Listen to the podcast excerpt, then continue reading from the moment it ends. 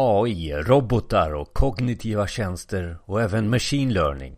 Ja, vi pratar väldigt mycket om dessa ämnen just nu och vi kommer ha en konversation om eh, machine learning alldeles strax. Välkommen till Effekten. Det här är digitaliseringens podcast. Här gör vi eh, avsnitt om just den pågående digitaliseringen och vi försöker vara framåtlutade och se det senaste. Effekten.se, där besöker du oss för att få alla de eh, 80 avsnitt drygt då som ligger ute just nu. Du får oss också förstås via prenumeration där du hittar dina övriga poddar. Nu till 20 minuter konversation om machine learning med eh, Martin Sjöbäck.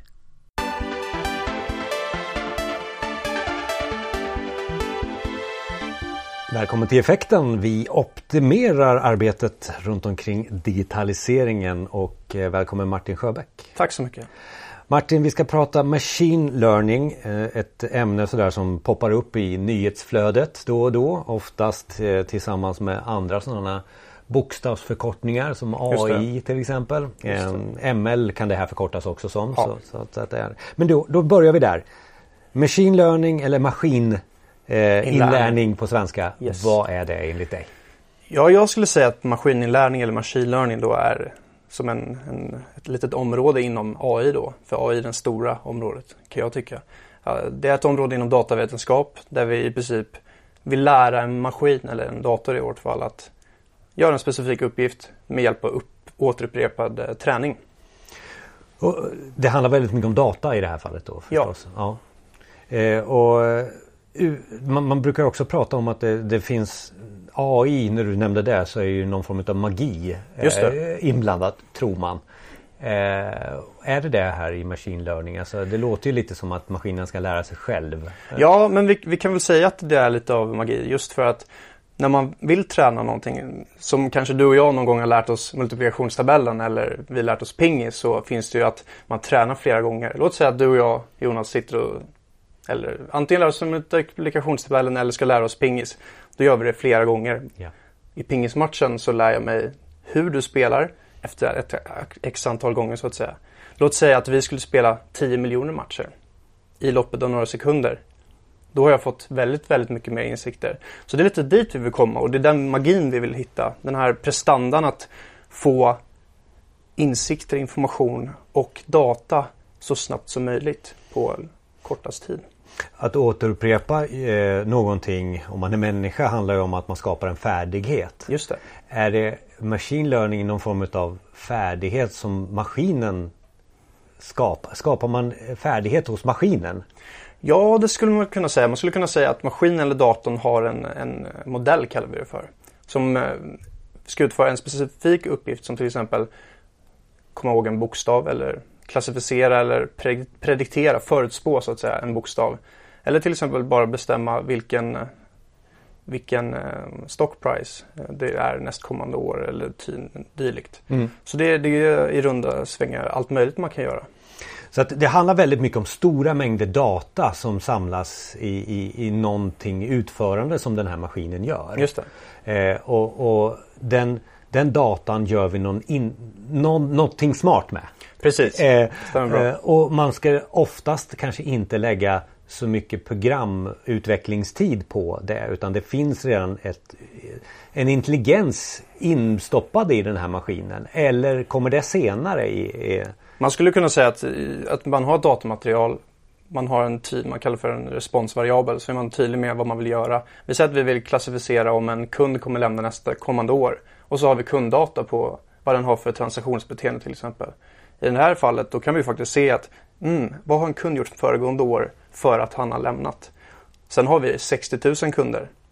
Och vi vet att, eller då kanske maskinen märker att okej, okay, vi ser ett generellt mönster i huruvida de kunderna som lämnar nästkommande år handlar hos oss.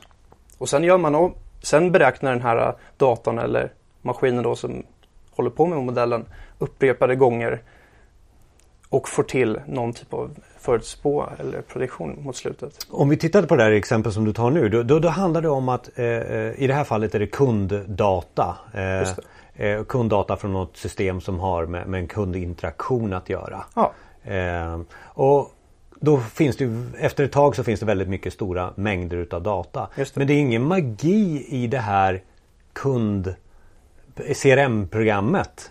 Utan du måste ju sätta magin själv. Ja, Du så måste- är det. ja. Absolut. Vi, vi har ju datan då i, i ett lager då. Sen tar vi ut och extraherar datan och sen använder vi datan för att machine learning-modellen ska kunna göra sina beräkningar. Så det här är ju liksom en beräkningsintensiv lösning Mm. som, som händer. Så att vi har in, det är inte som så att det händer i lagret, att det bara kommer in någonting och plockar upp en insikt. Utan vi måste ju självklart träna våra modeller, se till att modellerna använder rätt typer av algoritmer och funktioner. Och det här är också en, en, en grej som är ganska subjektiv inom området. Att vi har kanske tydliga riktlinjer och sånt när det gäller funktionaliteten. Men samtidigt så har vi också ett utvecklarteam som måste kunna jobba tillsammans och vara kritiska när det gäller vad man gör och inte gör.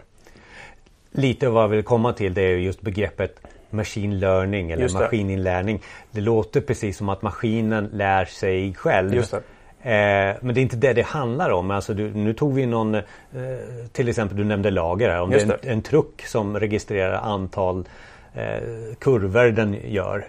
Så kan ju, det gör ju inte, den poppar ju inte ut någonting och säger att nu har jag dragit för många kurvor det här, eh, det här, eh, det här året. Så nu måste vi bytas ut. Om det inte är någon som har sagt den Precis, specifika frågan. precis. Det är där vi har det. Vi har idén, spesen och tanken som går till en modell och modellen ger oss svar. Så vägen där mellan lag, lagringen av data till modellen, där har vi en väg som vi vill gå mot. Liksom. Så att. Så, så att det- handlar ju om, och vi kommer att ta in lite mer exempel just på det du nämnde nyss också. Men det är ju så att det är ingen magi. Utan det handlar om att en, en maskin eller ett system har under en längre tid samlat data. Och du måste lägga din egen vision om vad den här datan skall göra, vad, vad den ska få ut för någonting ut, utav datan. Precis. Men den stora mängden utav data, det är det som är det roliga i det här, alltså inlärningen eller learning i, i machine learning. Eh, men om vi tar då, går, går lite närmare på, på exempel. I det här fallet så, så vet jag att du nämnde det, det här är ett spelbolag som hade väldigt mycket kunddata. Hur fick ni uppgiften där om vi tar det så exemplifierat här? De hade massa kunddata, vad ska vi göra med det? Var det så då? Ni... Mm, men vi, vi leker med tanken och säger att man har då kunddata och man har en spec. Att man vill, man, det finns ett ganska brett begrepp som heter churn, customer churn. Och, och det är i runda slängar om en kund lämnar företaget. Och då vill vi spesa, okej, om en kund lämnar det här året, vad har kunden gjort föregående år? Och vad har den haft för beteende? Vad har den köpt i de olika plattformarna exempelvis? Vad har den gjort för, vad har den för kön? Vad har den för lokalisering i Sverige? Det, det finns många variabler eller faktorer som kan spela in. Och då sätter man in den här informationen i modellen. Modellen får kolla på data, träna på det. Den vet om att kunden har lämnat nästkommande år. Så den har ett facit. När du och jag sitter med multiplikationstabellen till exempel, då kan vi köra på och lära oss och så kan vi smygtitta. Och så vet vi att nästa gång, ah, okej, ja, men vi, det var lite fel och så vidare. Och, och, det är, och det är så modellen gör, att den kollar som på ett facit och den lär sig bättre och bättre och till slut har den nått en punkt skulle man kunna säga där den har lärt sig tillräckligt för att inte även, alltså det ska ju bli så att det ska vara generellt också. Vi vill få upp kunder alla år och då vill man ju ha en typ av generalisering. Så det är också en bit av maskiner, att man vill ha eh, en modell som inte är överanpassad. Då vill man hitta den punkten då också där modellen är tillräckligt bra för att vara generaliserande men inte överanpassad för just de här kunderna bara för man vill ju fånga upp alla kunder så att säga. Och min parallell, ett exempel där som du får responsera på. Det är där jag, ehm, det var ett bolag som hade en maskin som eh, det kommer in en eh, sak in i den här maskinen. Det är knivar som fixar till det som kommer in. Eh, De här knivarna var väldigt, väldigt dyra. Eh, Om man vill, eh, sen tidigare visste man att okay, vi kan byta det enligt en period. Eller vi kan byta det innan de, eller när de går sönder. Så period och, eh, och eh, eh, sönder, det var liksom den parametern de hade. Okej. Men med den här datan som de då samlade in för de här knivarna så kunde de skapa en tredje del. Det var just in time. Okej. Precis innan de skulle gå sönder så Okej. får du en liksom bling, nu är det dags. Mm. Och som jag uppfattade på det exemplet så är det ju så att du, du har ju kört några sådana här interaktioner att det har kommit in någonting och knivarna har jobbat. Eh, ett antal gånger. Mm. Men hur gör du med den datan här? För det är samma sak med kunddata här som du som, som du sa. Hur, du måste ju ha något mål med det här och då, då tar du flera olika parametrar för att ta och jämföra med ditt exempel. Är det samma sak här? Hur, hur nu vet ju inte du hur de tänkte här Nej, men, men, men är vi, det samma modell? Ja men vi, vi, vi leker med tanken då att vi hade en spel så att man vill se i, ti, i långt, alltså innan att, eh, att de ska bytas ut. Och då är det ju en typ av, kallar det för klassificering. Ska den bytas ut? Ja eller nej? Ja. Och då har vi klassificeringsproblem. Och i sådana problem så kan vi använda olika typer av modeller. Och om man går in på den tekniska biten så finns det till exempel som modeller som neurala nätverk. Och neurala nätverk är ju en eh, väldigt komplex modell. Och den, tänk dig att data som vanlig dataanalys, då kanske det är väldigt enkelt att urskilja grupper. Eller urskilja ja och nej i det här fallet. Det. Men om data är väldigt stort, som vi var inne på, big data, och det är rörigt. Och när man ska visa det grafiskt så är det så många dimensioner att vi har ingen aning om vad, vad det är som händer. Då har vi algoritmer eller fun eh, funktionaliteter som hittar de här mönstren på olika typer av sätt. Och det är de man ska ha i en verktygslåda och kunna plocka fram och träna de här modellerna och sen se hur de kan lära sig bättre och då förhoppningsvis kunna med en viss träffsäkerhet eller ackuratess som man kallar det för i machine learning. Ehm, vad man kan uppnå för ackuratess så att säga. Och sen när man har gjort det på sin träningsdata då kan man ha testdata, alltså ny data som inte är sedd förut. Och så får man slänga in det i sin modell och se vad kan modellen ge oss för prediktioner i det här fallet. Så det blir som att, då blir det där, det blir det där äh, multiplikationsprovet, matteprovet som vi var inne på förut. Och det, det, återigen, det, det betonar just det är då den här learningen kommer in egentligen. Det är modellerna som jobbar åt oss med den datan som en maskin har genererat. Precis. Oavsett om det är kunddata ifrån ett system eller om det är de här knivarna som jag gav. Det är där, det är där eh, den smarta algoritmen, det är den som är eh, hela tiden nyckeln till att maskinen lär sig ja, lärs, vi, vi, får data ifrån maskinen som gör att vi kan agera. Precis. På något sätt som vi har satt upp förstås för, för, för värde. Mm. Men, men det här är ju oerhört... Finns det, hur mycket modeller finns det? Du har ju tagit Oj. upp massor. Så jag förstår att det ja. finns där. Jag har sett någon eh, där det handlar om just det här med att A, det kan hända A eller B. Men under B så kan A och B hända igen och då bygger man upp trädstrukturer mm. runt omkring det här. Och då blir det ju trädstrukturer som man kan klustra och så kan man säga så här, ja här har vi någonting vi behöver ta tag i. Mm, precis. Eh, var det där du beskrev eller en ja, annan men, modell? Ja men det, det, det, men det där är ett klassiskt problem man kan, en modell som man kan tackla på det problemet det är väl beslutsträd. Lite som du var inne på att man har olika typer av klustringar och sen att trädet väljer olika typer av av val så att säga. Och så mm. ser man med, beroende på vilka variabler svärden vad kommer ta oss i rätt riktning. Och då, då, måste jag ha ett, ett väldigt enkelt exempel då för att det, när det gäller kunddata så är det så många andra parametrar så där går det inte att säga A och B eller? Utan Precis. då är det andra delar man stoppar in i maskinen. För. Vi, vi har ett tydligt ja och nej. Men sen har vi en, ty en typ av mappning kallar vi det för. Och det är ju Jonas eh, Eh, din ålder, vart du bor, hur har du, vad har du köpt för saker. Och sen ser vi Martin, var jag kommer ifrån, vad jag, och så vad jag köpt för saker.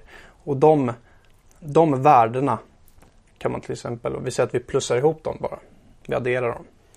Då får man ju en, en, en man kallar för en linjär regression möjligtvis. Men om, och eh, självklart måste man ha en typ av eh, lutning också.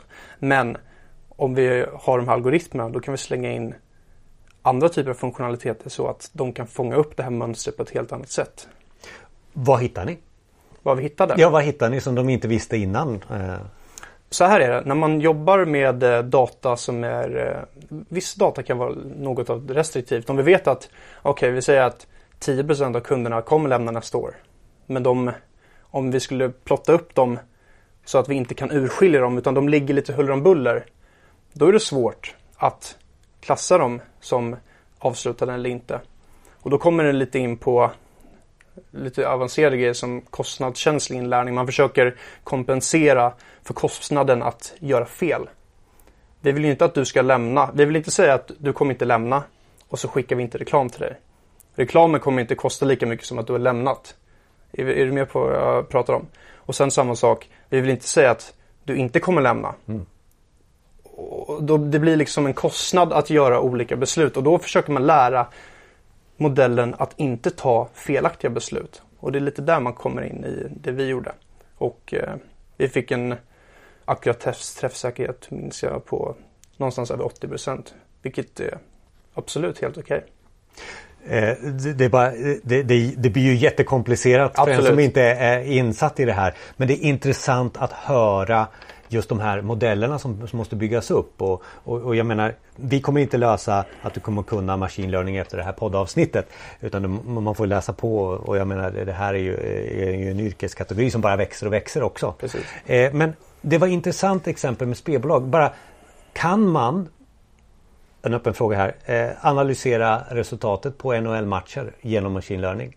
Genom att använda sig av vad som har hänt och vilka spelare som spelar och så. Kan man det, det? det är lite kul att du nämner det här för jag och en, eh, en klasskompis till mig gjorde en, en B-uppsats eh, mitt andra år och då så gjorde vi exakt det du pratar om nu, NHL-data. Och då försökte vi eh, preditera mm, vad heter han, Ovechkin om, om du vet vem det är. Jag tror att det är en kanadensisk spelare. Vi försökte få hans matcher över tid och se om vi kunde göra någon typ av regression, kallas det för. Så att vi skulle kunna förutspå, okej, okay, när han möter det här laget på den här borta matchen. Yes, med de här, med det här vädret. Lite så. ja, men, lite, ja, absolut. Ja, ja. Och, och, och, se, vad kommer han få för poäng då? Mm. Så det, det, var ju någonting också vi lyckades med att göra. Hur gick det då? Ja, det gick bra. Vi, vi, är det någon procent du fick ut? Ja, man, man, får ut en, en, procent eller det finns liksom värden som utvärderar hur bra modellen presterar. Mm. Sen är det ju alltid, man måste ju oftast i NHL-data så hade man önskat att man kan till och med få in mönsterdata också, hur de har rört sig på planen och så, komma in på sådana saker. Så, så det hade vi inte tyvärr. Så vi hade ändå ganska restriktiv data just för det fallet. Men det gick ju fortfarande att göra modeller med den här datan och ändå få ut något Eh, rimligt svar så att säga. Vad jag har lärt mig hittills det är ju liksom den här idén av att analysera och få ut något resultat. Väldigt mycket data och väldigt mycket teorier om bra algoritmer runt omkring. Det är det här. Men jag tror också som, som sista bit av det här eh, för vi måste lämna eh, lyssnare med lite eh, länkar och, och lite mera åt andra spår också. Om jag nu skulle ta mig in i det här eller jag lyssnar som, som Eh, jag har en verksamhet som jag har hört att jag, jag, har ju faktiskt den här typen av maskiner eller jag har den här eh, typen utav möjlighet framåt. Eh, hur, ska, hur ska jag få maskinerna att berätta för mig vad, vad, vad jag vill? Eh, det här med machine learning, min väg framåt. Ja precis. Jag tror till en början så är det viktigt att inte vara rädd för ämnet. Det låter ganska spejsat och att det är väldigt svårt men faktum är att många programvaror har väldigt bra funktionalitet och bibliotek kallas det för. Som har väldigt enkla sätt att sätta upp de här modellerna. Så det är inte så mycket hård kodning när man väl ska analysera datamaterialet. Oftast ligger det stora arbetet att knåda och se till att data är manipulerat rätt innan man sätter in dem i modellerna. Och för att återkomma till din fråga ännu mer där så har vi då att börja med att spesa upp en idé. Gör en tankekarta på vad du vill åstadkomma, vad du, vad du vill, om du vill ha kunddata, om du vill få några insikter om dina kunder, om de ska lämna nästkommande år som vi var inne på förut. Då kan du till exempel försöka spara mer kunddata och kanske få in, som du var inne på, väder. All, allt möjligt. Det finns ju öppna mm, data, dat, databaser överallt. Men som första steg säger du tankekarta. Det är inte ett mål eller, eller vision utan tankekarta kan vara lite bredare sådär. Eller är det där du syftar på? För att du vill ju att maskinerna ska jobba åt dig. Är det där du menar med tank tankekarta? Eller? Ja, nej, jag, jag tänker mig mer att alltså, du spesar upp en idé. Du liksom mm. Tankekarta, det kanske var lite otydligt. Ja. men, nej, men en, spesa upp en idé. Vad, vill jag, vad är målet? Ja. Vad vill jag hitta? Mm. Och, och, med det målet så kan man eh, få en diskussion med till exempel om man ska anlita en data scientist eller en analytiker. Då kan man prata med, konsulera med den här personen och se, vi vill göra den här idén. Vad kan vi göra? Då kommer han oftast fråga om data, självklart. För det är data man måste ha. Det är magi, men det kräver att vi har datamaterial. Och, och det är väl nästan äh, steg två då? Precis. Idé och sen data. Det är inte så att du, du, du kan anlita dig Eh, och du ska analysera min eh, tvättmaskin. Nej precis. Eh, då, då kan det vara bra att ha, eh, ha 30 kolumner data om varenda lite mätvärde i den maskinen. Så att det kan bli numerisk optimering för att få ett beslut. Så det är ju data det handlar om absolut. Och då kanske du, vi får vänta på dig i sex månader tills den här maskinen Eh, har, har fått in den datan. Ja. För den hade ingen data. Mycket utan... möjligt. Sex månader eller mm. en vecka. Det beror ju på. Om sex månader handlar om eh, veckovis då tar det ju självklart längre tid. Om det är sekunddata vi snackar om då är det ju självklart men, kortare tid. Men det är ju det som är också som är, du måste ju ha någon form av kropp för att göra den sista delen, analyseringen. Eh, Precis. Eh, ja. Så att det går inte bara att jag kan inte gå till det och köpa machine learning om inte det finns data. Eh, för machine learningen eh, och, själva magin då, det är väl tredje steget? Ja, Analys. Det stämmer. Analysen. När vi har gått från idéspes till data till tvättning av data och se till att data är på ett snyggt och strukturerat sätt för att kunna sätta in det i den här Vissa kallar det för en black box, svart låda för att det är svårt att veta vad som händer där inne. Men vi säger den här machine learning modellen. Och sen får den göra sitt jobb och så får den ge oss insikter. Så det är den det här, det här är ju förstås eh, Eftersom det är så hett det här och det ingår ju i AI som vi också har pratat om i, i podden som en, en enskild del. Och, och, jag tror att ni som jobbar med det kommer att ha en väldigt ljus framtid. Eh, rätta mig om jag har fel här. Nej, precis, nej, men det, är, det är en spännande framtid minst sagt, verkligen. Är det något mer du vill tillägga så här på slutet som vi har, har missat gällande machine learning? Nej men eh, jag vill bara poängtera att det här är ju en väldigt väldigt översiktlig och eh, enkel eh, förklaring utav vad machine learning är. Oänd, alltså det är oändligt eh, med, oändligt med möjligheter för den här typen av områden. Och just det här vi var inne på, att vara inte rädd för området. För det här är någonting som folk kan och behärskar. Och det är liksom, det finns, jag kommer skicka sen länkar så att alla kan se att det finns Kaggle, alltså fria databassidor där folk kan bara gå in och prova själva. Om det är så att du, du, du vill veta vad det här är, gå in på Google och sök bara på Machine Learning eh, Keras till exempel och TensorFlow, det är öppna bibliotek för att bara prova och experimentera. Och där snackar vi om att du kan ladda ner en programvara och träna ett, ett, en modell att klassificera bokstäver. Och det här gör man bara på 30 sekunder med bara några linjer kod. Och det är träffsäkra modeller. Så det, det är inte så långt ifrån som eh, folk tror. Det är en värld som öppnar upp sig med möjligheter, med möjligheter. Och jag känner också efter vårt samtal här att vi ska göra en video och vi ska ställa oss framför en whiteboard och, och, och rita lite också. För det, det behövs lite visuellt eh, runt omkring de här idéerna Absolut. och de här algoritmerna. Men så här långt så vill jag bara säga tack så mycket till Martin. Tack eh, och vi lägger in lite länkar som du har nämnt här på blogginlägget på effekten.se. Tack och Tack.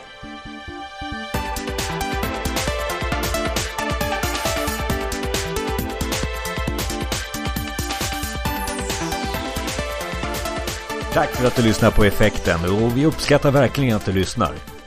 Lägg också in prenumeration utav podden på iTunes eller på effekten.se eller där du hittar poddar. Det skulle betyda oerhört mycket för oss. Vi gör då bättre produktioner och vet precis vilka ämnen vi ska ta upp för att inspirera dig vidare i digitaliseringen.